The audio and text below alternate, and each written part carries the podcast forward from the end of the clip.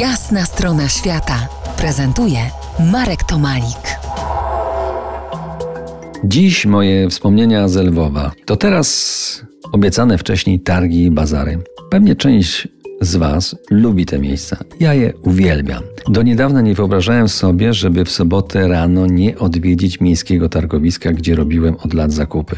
Kiedy pierwszy raz zawitałem do Lwowa, znalazłem nocleg u sympatycznego Polaka z Kresów, który miał na imię Antoni. Z zawodu nauczyciel uczył kiedyś e, fizyki, na emeryturze dorabiał sobie wynajmem pokoi, a także organizowaniem wycieczek po Ukrainie. To jednak nie wszystko. Ten człowiek był predygistatorem. Kiedy zawoził ludzi busikiem na trekkingi, w godziny oczekiwań na powrót uczestników dawał pokazy białej magii mieszkańcom ukraińskich wiosek, tam gdzie go właśnie zaniosło. Tam w Lwowie skutecznie zajął się moimi dziećmi, które zamiast bajek na dobranoc otrzymywały takie mini seanse i chłopaki byli zachwyceni. Przed śniadaniem Antoni oznajmił mi, że wybiera się na targ i grzecznie zapytał, czy nam czegoś nie potrzeba. Miałem wszystko, więc odpowiedziałem, że dziękuję. On jednak nalegał, więc zamówiłem kawałek twarogu. Po godzinie wrócił i dostałem lekko wilgotne zawiniątko z komentarzem, który mnie bardzo zdziwił. Antoni wtedy powiedział: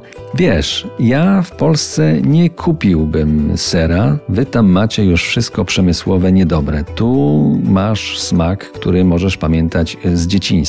Tak powiedział, a ja ser przyjąłem, zamilkłem, bo nie chciałem pójść w konflikt z tym bardzo przyjaźnie w sumie nastawionym człowiekiem. Ale byłem innego zdania, bo co jak co, ale polski nabiał uważałem i nadal uważam za bardzo dobry. Antoni miał jednak trochę racji, bo ser od niego był przepyszny. Postanowiłem zatem sprawdzić inne specyfiki na lwowskich targach i bazarach. Lwów ma ich wiele, ale ja zaglądam na dwa. Ten mniejszy nazywa się Rynek Halicki.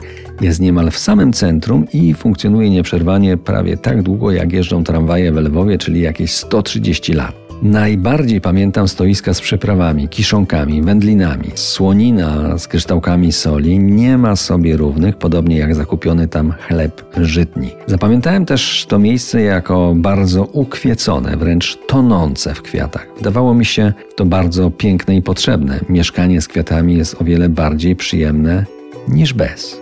Z kolei bazar Rynek Krakowski to w przeciwieństwie do Halickiego gigant. Jest naprawdę ogromny i bez trudu można tu zgubić cały dzień i dodatkowo przenieść się do zatrzymanej w czasie komuny, gdzie można kupić niemal wszystko, co wymyślił człowiek. Ten żywy skansen może podobać się lub nie, ale moim zdaniem nawet krótka wizyta tutaj nie pozostawia obojętnym. Za kilkanaście minut ostatnia odsłona moich lwowskich peregrynacji. Zostańcie z nami. RMF Classic. To jest jasna strona świata w RMS Classic.